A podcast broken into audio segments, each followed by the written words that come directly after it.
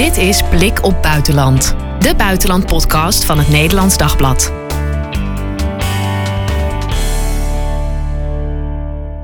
Leuk dat je luistert naar de Buitenland-podcast van het Nederlands Dagblad. Mijn naam is Marien Korterink en deze week hebben we het over het geloof van de vorige week overleden Queen Elizabeth en haar zoon Charles. Maar eerst de oorlog in Oekraïne, want er is een hoop gebeurd daar afgelopen week. Aangeschoven buitenlandcommentator Jan van Bentum. Goed dat je er bent, Jan. Goeiedag. Ja, dat, kan je dat in, kort samenvatten wat er afgelopen week ineens gebeurde? Nou, een verrassende uh, offensief van Oekraïne, meer dan een week lang nu al, eigenlijk vanaf uh, begin, direct vanaf begin september die uh, gebruik hebben gemaakt van zwakke plekken in de verdediging van de Russen. Dat hebben ze heel goed voorbereid. Ze hebben eigenlijk steeds gezegd: uh, we bereiden ons voor op een offensief in het zuiden, want we willen Odessa. Dus de Russen dachten van. De Russen hebben dan ook uit de regio Kharkiv uh, versterkingen naar de regio, in die zuidelijke regio gestuurd, Zaporizhia en dergelijke. Um, en toen kwam de aanval juist in die Kharkiv-regio. Uh, dus als een soort speer door de Russische verdediging gegaan. met snelle gemobiliseerde eenheden. Dus tanks en panzerwagens en dergelijke. Um, ja, en daar raakt, sommige Russische eenheden raakten in paniek en zijn met een rotgang vertrokken. Heel veel lege voertuigen zijn achtergelaten, ook heel veel zijn vernield. Um, en je ziet dat daarbij de uh, Oekraïne gebruik heeft gemaakt en ook ondersteuning heeft gekregen van met name de Verenigde Staten in intelligence, zoals dat dan heet. Dus gewoon satellietwaarnemingen. Waar zitten de Russen? Waar zijn de tankconcentraties? Waar moet je dus niet wezen? Waar wel? Uh, daarvan zegt Rusland nu, ja, dat bewijst, uh, Amerika is gewoon rechtstreeks bij deze oorlog betrokken. Nou, dat is meteen ook nog even wat verder uitgebreid. TAS meldde woensdag dat Russen niet alleen maar hebben te vechten tegen Oekraïners, maar ook tegen duizenden huurlingen uh, uit Polen, Frankrijk, Duitsland en jawel, Nederland. Oh ja. Dus uh, dat is nu het beeld wat ze ophangen. Wij zijn al in oorlog met het Westen, uh, al dan niet door Oekraïne gehuurde mensen, maar ook, wat dan weer iemand anders zei, tijdens, een, tijdens een gesprek over deze situatie. Dat was dan de vicevoorzitter van het Russische Raad voor Internationale Zaken. Die zei van uh, ja, nee, uh, er zijn ook duizenden Amerikanen. Uh, die als adviseurs en, en, en ondersteuning. en die helpen het Oekraïense leger. en die zitten in vrijwel iedere eenheid. iedere militaire eenheid van dat leger. Ja. Dus wij zijn ook in de oorlog met Amerika. Ja, ze doen dus eigenlijk zo. Het Westen zal zeggen van wij leveren alleen wapens, dus we blijven er eigenlijk nog een beetje buiten. Maar zij, Rusland probeert nu te zeggen, ze zijn er allemaal al lang enorm bij betrokken. Nou ja, in, dat in, is zekere zin, in zekere zin hebben ze daarin gelijk. Want uh, die wapensystemen die Amerika en ook de Britten leggen, die HIMARS, dat is een soort raket-artilleriesysteem met een bereik van 70 kilometer. Dat is veel meer dan gewone kanonnen. Uh, dat is heel effectief ingezet, dat is één. En twee, waar ze die moesten inzetten, dat was voor een belangrijk deel gebaseerd op inlichtingen vanuit de Verenigde Staten. Ja. Dus dat maar, is wel een vrij actieve betrokkenheid. Maar wat ze zeggen over mankracht? Um, Als in duizenden Amerikanen? Ja, ja, nou ja, dat is ook wel iets om uh, te verhullen um, uh, dat Rusland zo was overrompeld. En ze hebben ge, een van de termen die ze gebruiken is...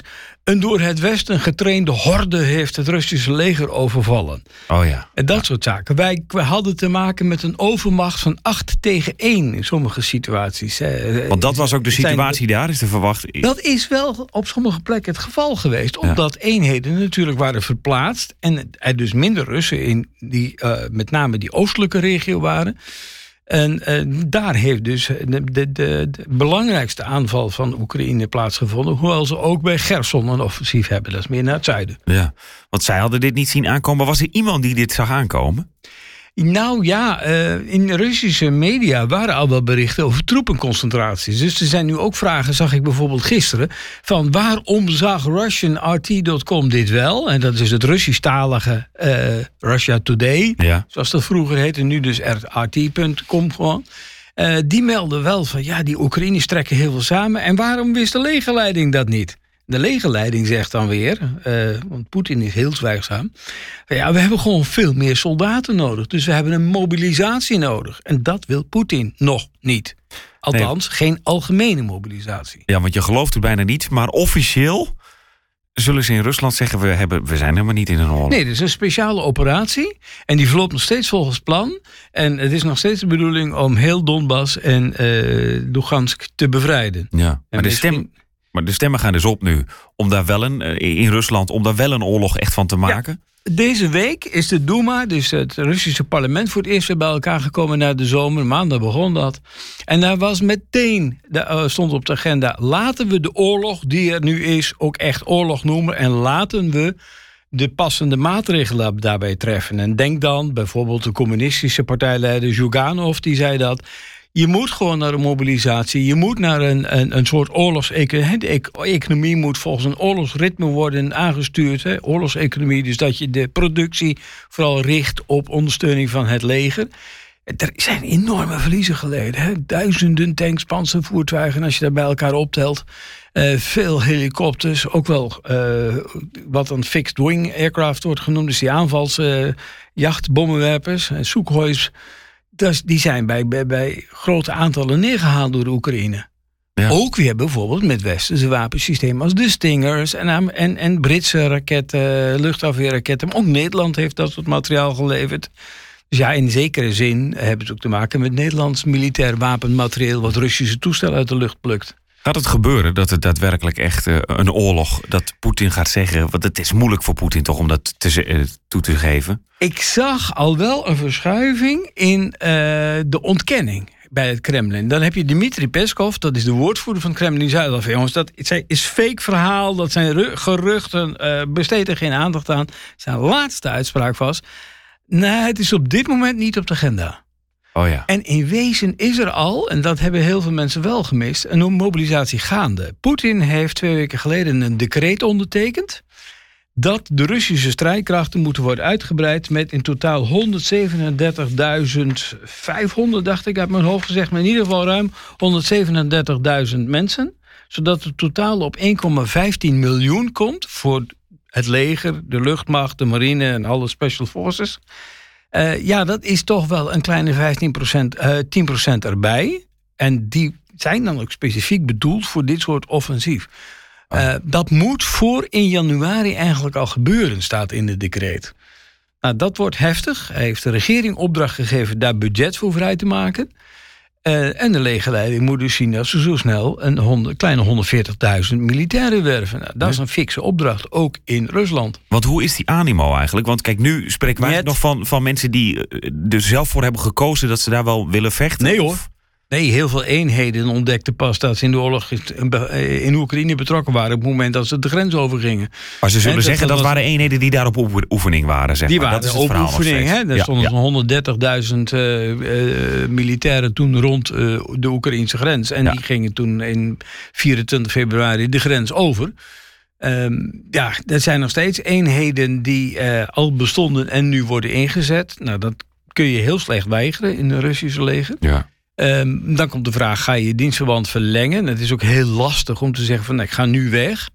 Um, sommigen krijgen nieuwe, uh, worden geworven met flinke, flinke, flinke bedragen, flinke uh, soldij. Veel meer dan normaal. Maar of dat ook allemaal wordt uitbetaald, daar zijn ook al wel vragen over. Kortom, die wervingsacties lopen nog niet allemaal zoals ze zouden moeten. Er is nu zelfs een maatregel dat um, um, vaders van grote gezinnen, als die zich wel vrijwillig melden, dan voorlopig eerst even in de reserve gaan. En want anders krijg je veel te veel kabaal mochten zij sneuvelen. Ja, ja. Dan heb je meteen grote gezinnen in de problemen. That news spreads, zeg maar. Dat, dat, zulke, uh, zulke berichten, die verspreiden zich wel. Dus dat, dat, je hebt veel liever niet al te veel getrouwde mannen die, wanneer ze sneuvelen, ja, de ouders. Single mannen eigenlijk. Ja, liefst. Ja, ja. liefst. Um, we hebben een enorme opmars gezien. Als je gaat, eh, ziet ja. hoeveel vierkante kilometer het is. Volgens mij drie keer de provincie Utrecht inmiddels. Of? Ja, ongeveer die hoeveelheid. De Russen zitten nu wel achter een rivier. Uh, waarin ze een soort natuurlijke barrière hebben. Kijk, het oversteken van de rivier is erg lastig. Hè? Ook uh, vooral voor aanvallers. Dat hebben de Russen zelf gemerkt. Want er schoot uh, de Oekraïne weer bruggen kapot en dergelijke. Dat geldt nu dus ook voor Oekraïne. Ja. Als jij in het offensief gaat, moet je erop rekenen dat jij relatief meer verliezen leidt dan wanneer je in de verdediging bent. En dat vind je bijvoorbeeld ook in het verhaal van de Washington Post. Die heeft gesproken met gewonden die uh, uit de strijd rond Gerson uh, in, in militaire ziekenhuizen en andere ziekenhuizen waren opgevangen. En die vertelde bijvoorbeeld dat sommige van hun eenheden vijf man verloor, gewond of gedood, tegenover één Rus die ze konden uitschakelen. Dat is dus wanneer je een offensief bent. En die, die opmars is dus wel fenomenaal, maar de kosten zijn ook fenomenaal. Alleen, dat is staatsgeheim en dat krijg je van Oekraïne niet te nee. horen.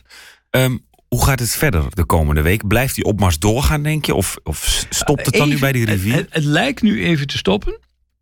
Uh, ook omdat Rusland met heftige vergeldingsaanvallen bezig is. Zo is bijvoorbeeld bij de geboorteplaats van uh, Zelensky, president Zelensky. Daar had je een groot waterreservoir voor, uh, voor de watervoorziening ook van ruim 600.000 mensen in die omgeving. De dam daarvan is nu getroffen door Russische raketten. Dus dat waterreservoir dat stroomt met een rotgang leeg. Er zijn ook huizen overspoeld.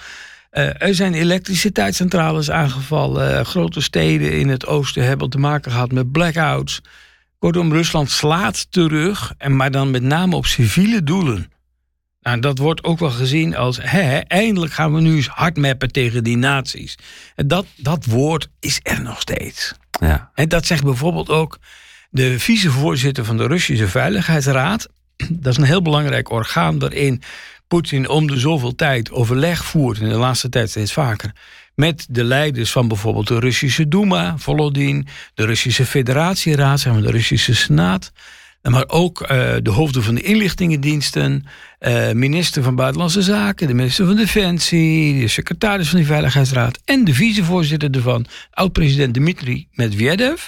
Nou, die heeft op zijn Telegram-account, mm -hmm. ook weer even prutsen, want dan moet je uit het Russisch en alles halen, maar die heeft me daar toch uitgehaald.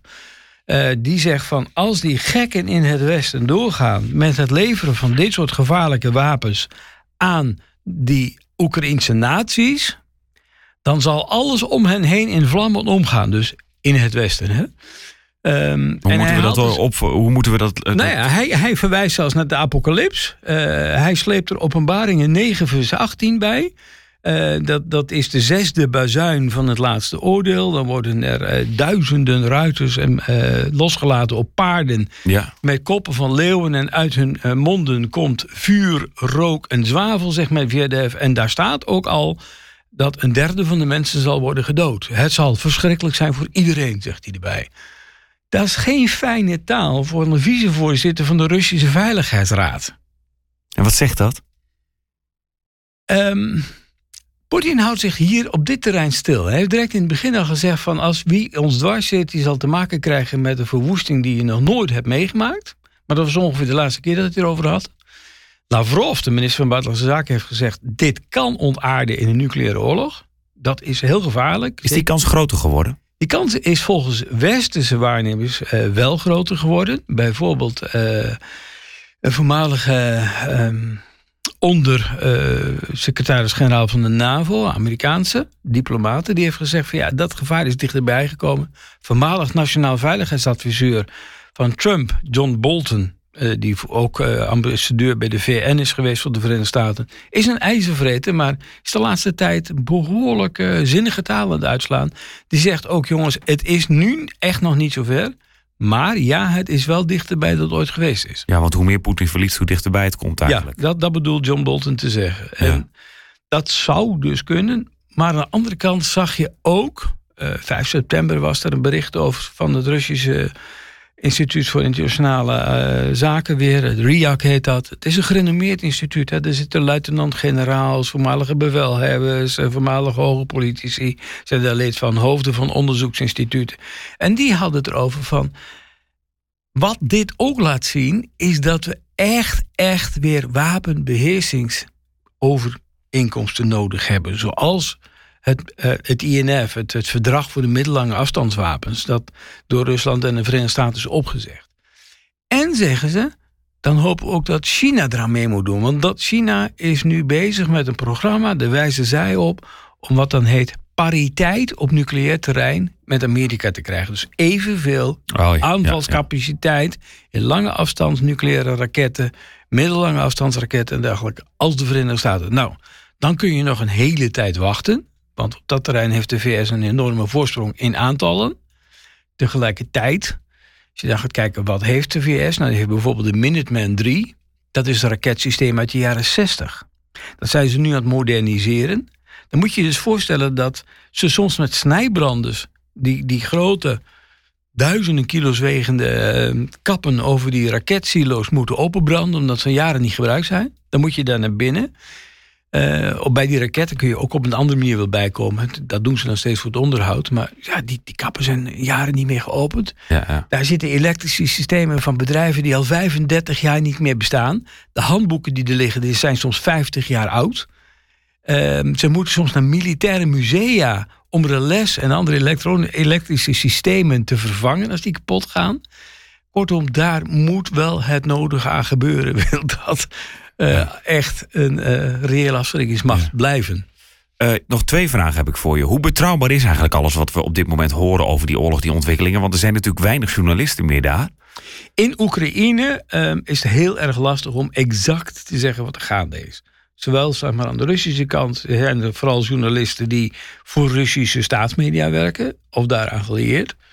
En Oekraïne uh, is ook zeer terughoudend uh, om, om, journalisten toegang te geven tot het slagveld. Of zelfs maar in de buurt ervan. Omdat die zoiets hebben van ja, maar dan raken we militaire geheimen kwijt. Uh, en ook daar zijn ze heel fel op, hè, soms te fel. dus ja, dat is lastig. Je weet, je weet niet exact wat er gaande is, maar je ziet wel. Ik bedoel, als, als soldaten posten dat ze de vlag hijsen in een stad als Izium. Dan is die stad in handen van Oekraïne. Ik bedoel, daar hoef je niet al te veel aan te twijfelen dan. Okay. En uh, nou ja, als ze zeggen we hebben 9000 vierkante kilometer inmiddels veroverd. Wellicht dat ze daar niet alles in handen hebben. Dat er nog delen zijn waar ook nog uh, Russen zitten. Maar ja, hoeveel?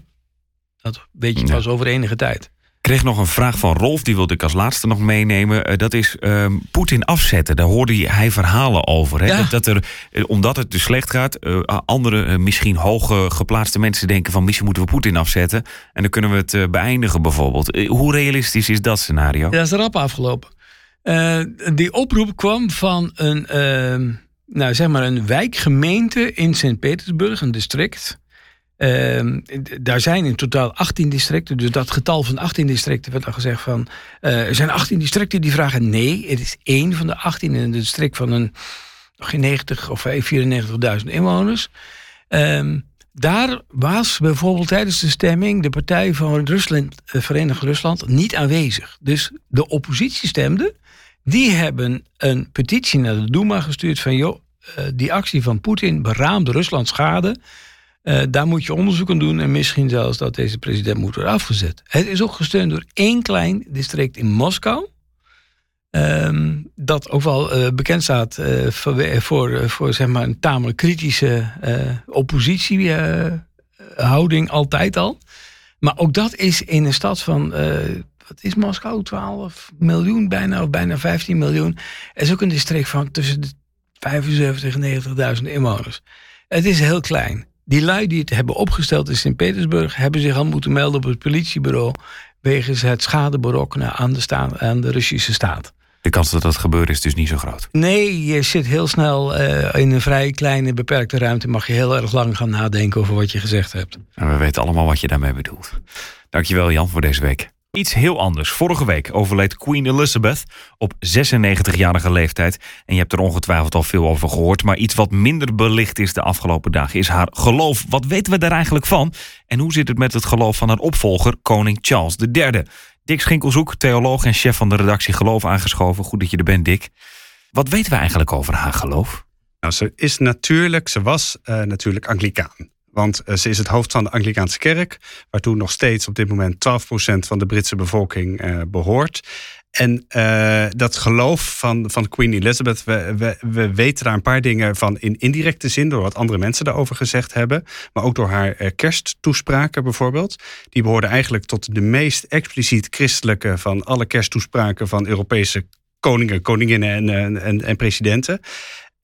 Dus wat we daarvan weten is dat ze, dat ze vrij conservatief in het geloof stond. Vrij rechtlijnig ook wel. Ehm, we weten verder niet heel veel van wat het met haar, wat met haar persoonlijk deed. Of ze heel, heel spiritueel was. Die indruk maakt ze niet. Maar nogmaals, dat weten we niet. Want we weten eigenlijk veel minder van het Koningshuis en ook zeker van het privéleven van koningin Elis uh, Elizabeth dan we, dan we vaak denken dat we weten. Ja. Kijk, als je uh, als uh, koning Alexander, Willem, Willem-Alexander bij ons een, een kersttoespraak houdt en verwijst naar God, dan is dat een vrij algemeen godsbeeld. Terwijl voor koningin Elizabeth was het ook echt dat ze heel helder dat ze het over de christelijke God had, de vader van Jezus Christus. Jezus Christus kwam ook terug in haar, in haar kersttoespraak. In die zin was ze, zou je kunnen zeggen, wel een van de laatste uh, monarchen in Europa die dat op die manier deed. Ja. In welke mate is het vergelijkbaar met, met wat wij weten over koning Willem-Alexander? Als in, uh, ja, die wilde vooral eigenlijk ook dus, denk ik, in een kersttoespraak bijvoorbeeld iedereen tevreden houden. Maar dat had zij dus niet. Terwijl je ergens ook van haar weet, van zij zat heel erg in dat ambt en dat was alles voor haar. Dus dat je dan juist denkt, hoe kan het dan dat ze dan toch daar wel durfde uitgesproken te zijn? Ze is sowieso van een hele andere generatie. Hè? Dat moet je natuurlijk wel in de gaten houden. Uh, Willem-Alexander is een kind van de jaren 60. Uh, is uh, in, in, die zin veel meer groot geworden in de geseculariseerde wereld. Van, van Queen Elizabeth wordt ook echt wel voortdurend gezegd dat ze in die zin een, een verschijnsel was van een, van een tijd die echt voorbij is. Van een, van een Engeland dat uh, toen zij de troon besteeg, gewoon hoofdzakelijk Anglikaans was, bijvoorbeeld. Het was een protestantse natie. Er waren veel katholieken, maar dat was echt een, een minderheid. En sowieso, als je er toe deed, als je wat was, dan was je Anglikaan. Nou, die tijd is helemaal voorbij, maar die droeg zij op een of andere manier nog wel gewoon, nog wel gewoon met zich mee. Ondanks dat u heel veel, uh, bedoel, Engeland is zo mogelijk nog multicultureler vandaag uh, dan, dan dat Nederland dat is. Maar de koningin was en bleef gewoon op haar eigen Anglikaanse manier christelijk. Jij zei ook, ze is hoofd van de kerk. Wat houdt die rol precies in als je dat als Queen Elizabeth zijnde bent? Ja, dat is een, eigenlijk is dat een hele wonderlijke constructie. De, de, de Britse vorsten zijn supreme governor van de Anglikaanse kerk. En eh, je moet je voorstellen, dat is in de 16e eeuw ontstaan toen koning Hendrik VIII, die wilde heel graag scheiden van zijn vrouw, Catharina van Aragon. Mm Dat mocht niet van de paus, die wilde zijn huwelijk niet, niet ongedaan maken. En toen heeft uh, uh, Hendrik VIII kort en goed gezegd: Nou, oké, dan is het stukje kerk, zeg maar, je valt nu eh, van wat, wat van Engeland valt nu niet meer onder de paus, maar valt nu gewoon onder mij. En, en dan kon hij toch scheiden. En dan kon hij toch scheiden en dan kon hij gewoon doorgaan waar hij mee, nou, met, met alles wat hij wilde. voor de protestanten is dat een hele mooie gelegenheid geweest om ook wat is het, het protestantisme in, in Engeland stevig voet aan de grond te laten, te, te laten krijgen. En vanaf het begin van de 18e eeuw is het zelfs zo dat de, de Britse koningen en koninginnen verplicht uh, protestants moeten zijn. Ze moeten protestant zijn, zeg maar Anglikaans protestants. Uh, anders kunnen ze geen koning of, uh, of, koningin worden. Kijk, in de praktijk moet je natuurlijk voorstellen dat het, dat het eigenlijk helemaal geen moer voorstelt. de, de aartsbisschop van, van Canterbury is degene die gewoon de baas is van van de, van de Engelse kerk. Maar zij zetten een handtekening nog? Bij wijze van spreken, ja. Het is, het is totaal in naam. Zoals je natuurlijk ook uh, uh, koning of koningin bent van een land, nog vooral in naam. Dat is vooral een ceremoniële functie hier in het Westen. Nou, zo moet je dat bij de kerk ook, uh, ook voorstellen. Ja. Wordt er dan ook wel eens geopperd door mensen zo van, ja, is, waarom is dat eigenlijk nog zo? Zoals je dat in Nederland misschien ook kan hebben, de discussie over de monarchie, om al wat te noemen. Hè? gebeurt dat ook met zo'n ceremoniële functie, dat ze zeggen, laten we dat afschaffen? Ja, er is altijd uh, eigenlijk al wel al, al, heel erg lang hoor. Een stroming geweest binnen de Anglikaanse kerk die zegt: wij uh, moeten we niet gewoon terug, terug naar Rome. Hè, de, de reden dat wij van, uh, van Rome, van de, van de katholieke kerk, zijn losgeraakt, is op zijn minst een beetje een gekke. Dat was de, de, de scheiding van een van een koning. Die al heel lang overleden is ook, inmiddels. Absoluut. En ja, er waren geen, er geen leer, leerstellige verschillen. Uh, dit was bedoeld dat daarna volgens het protestantisme de Anglikaanse kerk, of delen van de Anglikaanse kerk, heeft gekleurd. Dat staat natuurlijk op zichzelf los van. Er zijn altijd wel mensen die zeggen, dan moeten we niet onderhand terug, uh, terug naar Rome. En zou dat kunnen? Want, want jij zegt ook, hè, die protestantse invloeden, die voel je dan nog wel in de Anglikaanse kerk in sommige delen. Als in, wij weten misschien ook niet precies waar dat staat. Zeg maar. in welke, met welke kerk zou je dat kunnen vergelijken? Nee, je kunt het eigenlijk niet met een kerk vergelijken. De Anglikaanse kerk is zo ontzettend breed. Je hebt de diensten, uh, moet je je voorstellen, die in heel weinig verschillen van de gemiddelde katholieke eucharistieviering. En je hebt uh, uh, diensten die uh, in weinig tot niks verschillen van een of andere charismatische kerkdienst, bijvoorbeeld. Dus het gaat echt van, van behoorlijk evangelisch naar behoorlijk katholiek, zo Ja, gezegd. en En dat- zit allemaal in diezelfde kerk. Ja, en dat behoorlijk katholieke zegt van we kunnen wel teruggaan Ja, eigenlijk. die daarvan is een groep die zegt, eh, we zouden inderdaad wel terug kunnen. Tegelijk moet je natuurlijk ook de, de hele conservatieve trek van heel veel Britten niet onderschatten. Zo hebben we het altijd gedaan. Dit is onze traditie. Dus we gaan hier vooral mee, eh, vooral mee door. Ja. Charles III wordt daardoor eh, hè, de nieuwe baas van, de, van die kerk. Wat weten we over zijn geloof? Nou, dat is in elk geval een stuk minder belijnd dan dat van, van Elizabeth, van, van zijn moeder. Dat, dat kun je wel zeggen. Eh, eigenlijk van jongs af aan heeft eh, Charles op allerlei vlakken geprobeerd om, ja, je zou kunnen zeggen, om, om God te vinden. Hij is een heel erg spiritueel mens. eh, is die opvallend spiritueel. Echt een, een, een, een zoeker. Hoe, hoe uitzicht dat? Nou, toen hij bijvoorbeeld een twintiger was, is hij een hele poos onder bekoring geweest van een, eh, van een Zuid-Afrikaanse eh goeroe. Waarin hij alles leerde over natuurlijke spiritualiteit. Hij was weg van Afrikaanse godsdiensten. In de jaren negentig is hij enorm gecharmeerd geraakt van de, eh, van de islam. Hij gaat naar een Oost-Orthodox klooster in Griekenland geregeld, op de, op de berg, berg, berg Athos. Eh, om daar te mediteren, om stil te zijn, met die monniken mee te leven. En tegelijk is het gewoon nog steeds een Anglicaan. Zoals zijn moeder een Anglicaan was. Hij, hij bidt voor het, voor het slapen gaan. En dat alles houdt hij ergens op een of andere manier bij, bij, bij elkaar. Maar het is in die zin weten we er dus ook veel meer van dan van Queen Elizabeth. Ja, we weten, er, we weten er zeker veel meer van. En het is daardoor ook veel, eh, veel diffuser.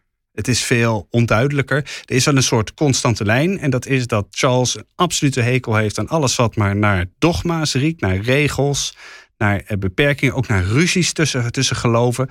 Hij heeft heel sterk het idee dat alle geloven uiteindelijk verwijzen naar, naar hetzelfde goddelijke en dat dat in ons allemaal zit.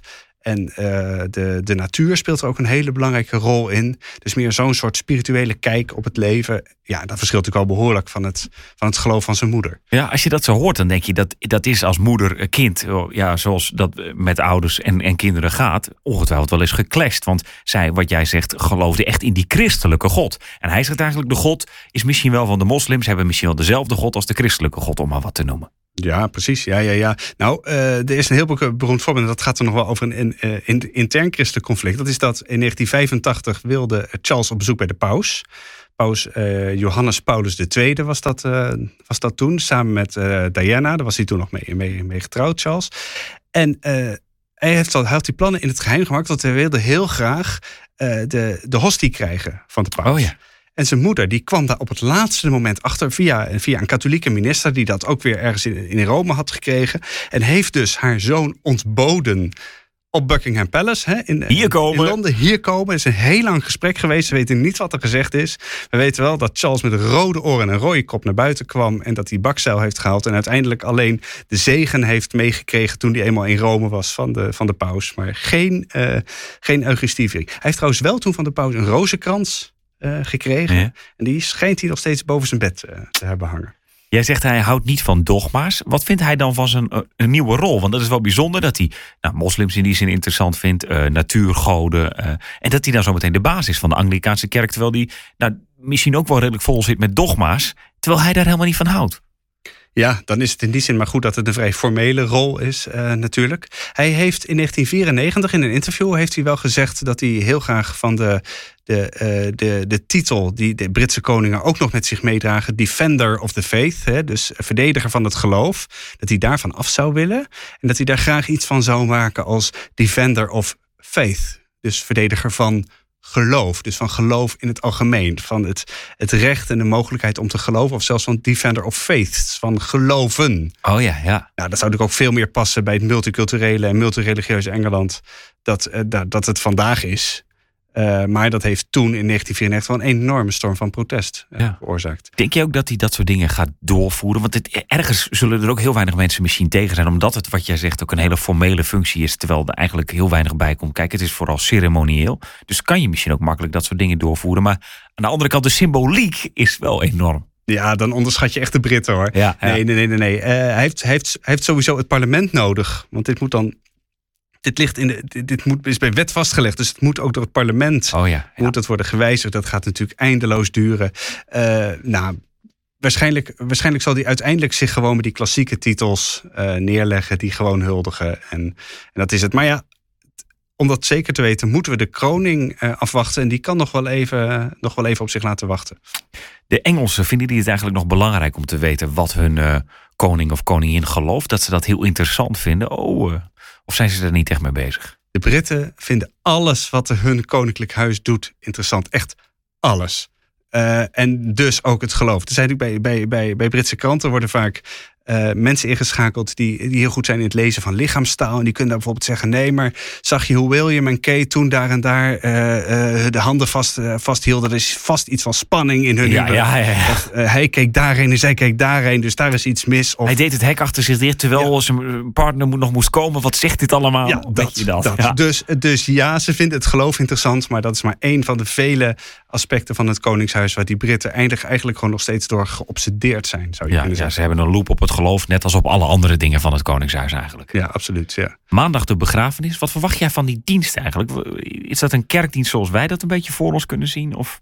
Ik denk dat, we, uh, dat wij moderne mensen ons er een beetje op moeten instellen dat het een wat onpersoonlijke, formele, misschien wel kille en koude dienst zal, zal zijn. Alles is minutieus vastgelegd van minuut tot minuut. En waarschijnlijk ligt het ook al jaren op die manier uh, vast. Er zullen bekende gezangen zijn, bekende liederen, bekende muziek. Uh, het is de vraag of er een preek zal zijn. Ik vind dat persoonlijk uh, ben ik daar heel erg benieuwd naar. Uh, in 2021 overleed prins Philip, hè, de man van, uh, van koningin Elizabeth. En toen was er geen preek in die, in die dienst op zijn uitdrukkelijke verzoek. Hij wilde dat niet, want dan zou het alleen maar over hem gaan. Oh ja, het gaat niet over hem. Dus je hebt best kans dat zij die keuze ook maakt. We moeten dat, uh, we moeten dat afwachten. Maar reken er maar op dat het heel stijf en heel bijna star zal, zal overkomen. Ja. Vind jij het jammer dat er geen preek is? Want ik moet denken aan Harry en Meghan die gingen trouwen. Daar, daar, daar, is veel over die preek gesproken, want er zaten mooie dingen in. Ja, dat was een preek van Michael Curry, mm -hmm. uh, toen Amerikaanse uh, bisschop. Ja, kijk, het is natuurlijk mooi tegelijkertijd. Uh, het is zo'n beladen moment. Het is iemand, het is een koningin van zo ontzettend veel mensen. Dus zo ontzettend wordt er, wordt er gelet op ieder woord ja. dat je zegt. Het lijkt, me nogal een, het lijkt me nogal een klus. Ja, natuurlijk hoop ik dat er een preek zal zijn. Nogmaals, we zullen het merken. Maar nou ja, ik ben niet verbaasd als die er niet is. We gaan het meemaken. Dankjewel, Dick. Dit was uh, Blik op Buitenland voor deze week. Heb je een vraag of wil je reageren? Laat het dan weten via podcast.nd.nl. En ben je enthousiast over deze podcast? Laat een review of een recensie achter. Dat maakt het voor anderen weer makkelijker om ons te vinden. Tot volgende week.